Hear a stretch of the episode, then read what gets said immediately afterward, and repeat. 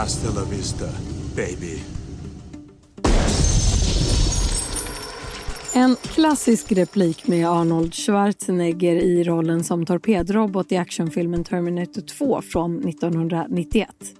Idag, 2022, har verkligheten i någon mån närmat sig fiktionen.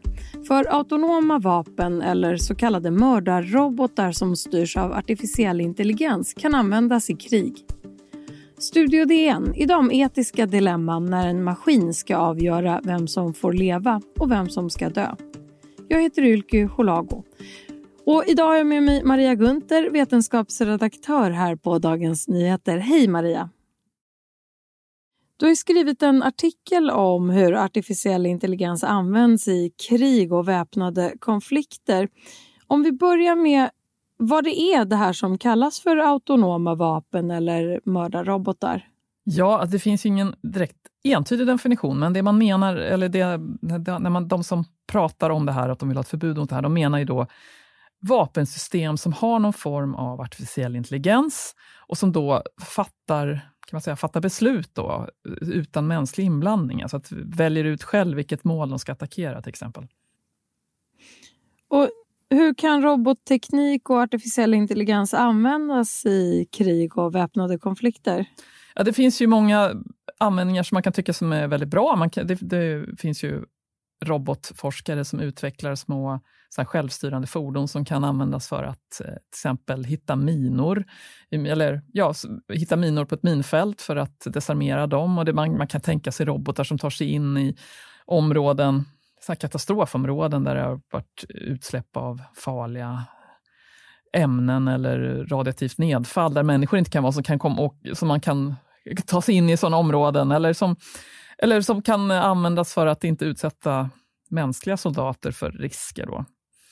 Eh, men, men, men det, det som forskare är kritiska till, eller aktivister är kritiska, är just de här eh, att man ska använda dem som till exempel drönare med ansiktsigenkänning som då kan leta upp, upp ett speciellt mål eller minor som ska kunna känna skillnad på, som säger att de kan känna skillnad på militärer eller på civilbefolkningen. Men det här ligger lite fram i framtiden innan det innan det är verklighet.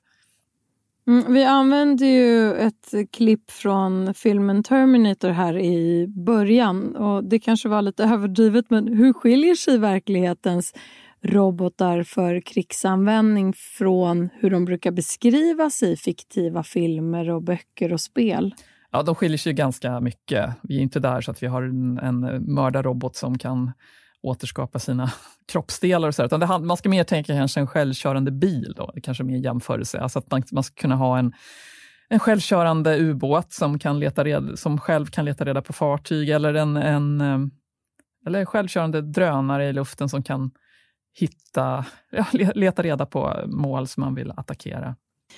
Du tar i din artikel upp ett aktuellt exempel att eh, människorättsorganisationen Human Rights Watch har anklagat Ryssland för att använda personminor i kriget i Ukraina.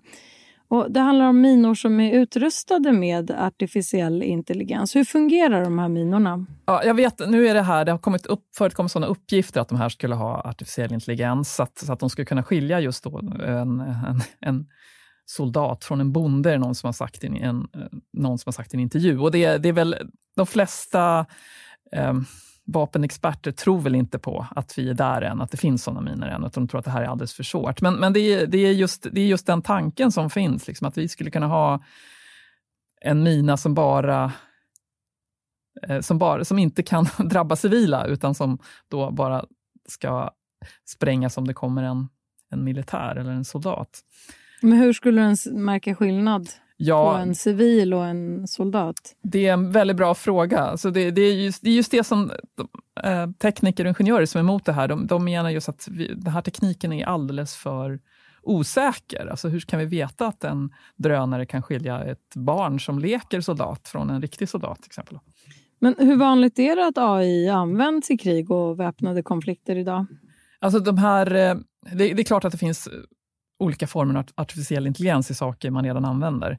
Men, men eh, som jag vet, den första rapporten om att någon hade blivit dödad av en sån här...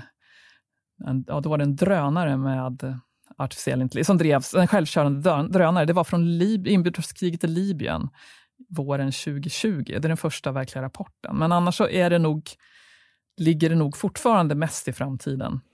Du har talat med professor Toby Walsh som också är en av initiativtagarna till ett öppet brev där drygt 100 it-entreprenörer, bland dem Teslas vd Elon Musk, kräver ett förbud mot mördarrobotar. Vad är det för slags teknisk utveckling som man vill stoppa? Ja, så de pratar om att det här är att om vi börjar använda det här, det är som att öppna Pandoras bosk, ask, heter det på svenska.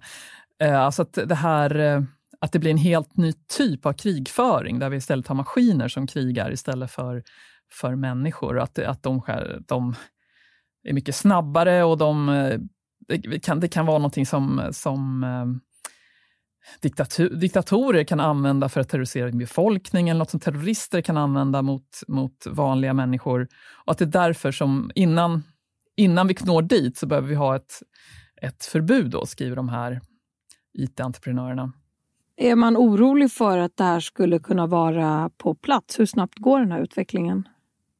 Ja, alltså det här, sådana här system utvecklas ju redan. Eh, jag tror att USA pratade första gången 2012 om att man skulle börja utveckla sådana här system. Då hade de väldigt, väldigt stora visioner som kanske inte ehm, stämde så bra med vad som verkligen är, möjligt, verkligen är möjligt att göra. Men alltså jag menar, utvecklingen av artificiell intelligens för, eh, för normal teknik pågår ju hela tiden och det är ju väldigt troligt att den även pågår för militär teknik.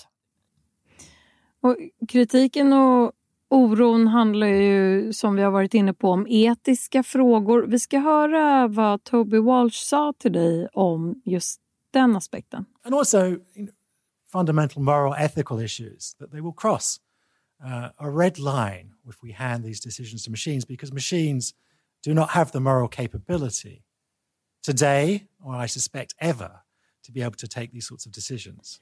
Toby Walsh säger här att den grundläggande etiska frågan är att autonoma vapen kommer att passera en gräns eftersom maskiner inte har moralisk förmåga, inte nu och inte någonsin, att ta den typen av beslut. Maria, eh, en fråga är ju om det är någon skillnad att bli dödad av en självstyrande robot eller av en människa i krig. Hur går debatten där? Ja, alltså det är det som är kanske grundläggande etiska frågan här. Att, att, eh, och att man kan då, under undersökningar som görs så säger man att människor tycker att det är mycket ovärdigt att bli dödad av en automat eller av en maskin.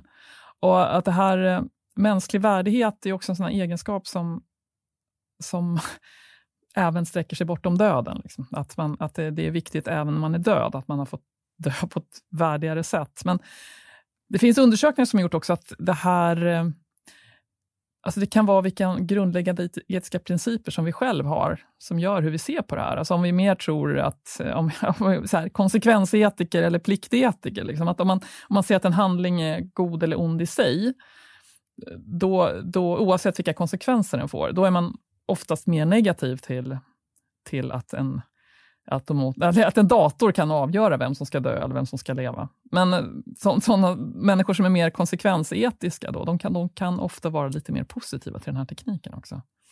Mm, det blir närmast filosofiska resonemang här och debatten om autonoma vapen är ju komplicerad eftersom den berör vitt skilda och komplexa områden som innefattar avancerad teknik och folkrätt som vi har varit inne på, militär verksamhet. Och vi pratar ju precis om Human Rights Watch kritik av Ryssland eller i alla fall deras anklagelser eh, mot Ryssland. Jag undrar var, var ligger den här frågan nu? Vem kan styra eller hejda utvecklingen?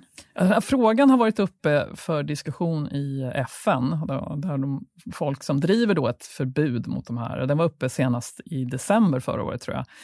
Och det har inte, de har inte kommit fram till något beslut. Och en anledning till det är att det är väldigt svårt att definiera vad man egentligen menar med såna här autonoma vapen. Och ett annat, eh, annat problem är att många säger att det här, de här problemen täcks redan in av de, av de bestämmelser som redan finns. Alltså det handlar mer om att vi inte, att vi inte ska missbruka vapen. Och, och, och jag har pratat med en forskare på FOI som heter Martin Hagström och han tycker att många av, de, han tycker att många av ingenjörer och tekniker som är kritiska till det här, för det är oftast därifrån kritiken mot det här kommer från, de förstår inte riktigt eh, hur militär fungerar, hur krig fungerar, utan de kan bara se att det här är en teknik som vi vet, vi ser bristerna i den tekniken, men de, de kanske inte riktigt känner till vilka, vilka regler som redan finns för krigföring.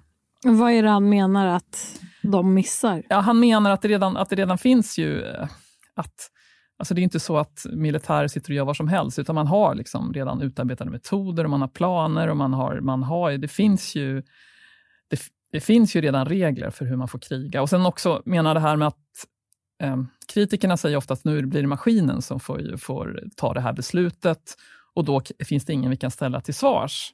Men, han, men i, i, krig så det finns ju alltid någon som har, det finns ju alltid en ansvarig människa, en ansvarig befälhavare som har gjort order om att de här ska användas. Och då är det också den personen som får ställa till svars, som måste ha, ha sett vilka konsekvenser det skulle kunna få av att använda de här maskinerna. Vi ska också flika in i sammanhanget att Martin Hagström också påpekar i din intervju att målsökande robotar har funnits i 70 år och sjöminor i över 100 år, bara för att sätta det i ett eh, perspektiv. Men avslutningsvis här, hur tror du att den här utvecklingen kommer att se ut framöver? Vad kommer du själv att försöka följa? Jag kommer definitivt följa vad som händer och eh, Alltså jag tror kanske att det blir svårt med ett eh, generellt förbud, men eh, jag tror att det kan komma regler, liksom mer detaljerade regler, som vad man får göra och inte får göra liksom enligt internationell rätt. Och, eh, men alltså att de här systemen utvecklas, det råder ingen som helst tvekan om, skulle jag säga.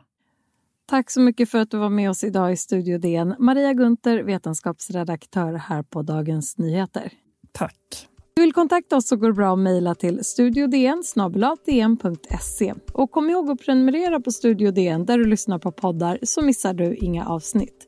Studio DN görs för Podplay av producent Sabina Marmulakai, ljudtekniker Patrik Miesenberger, teknik Oliver Bergman på Bauer Media och jag heter Ylke Holago.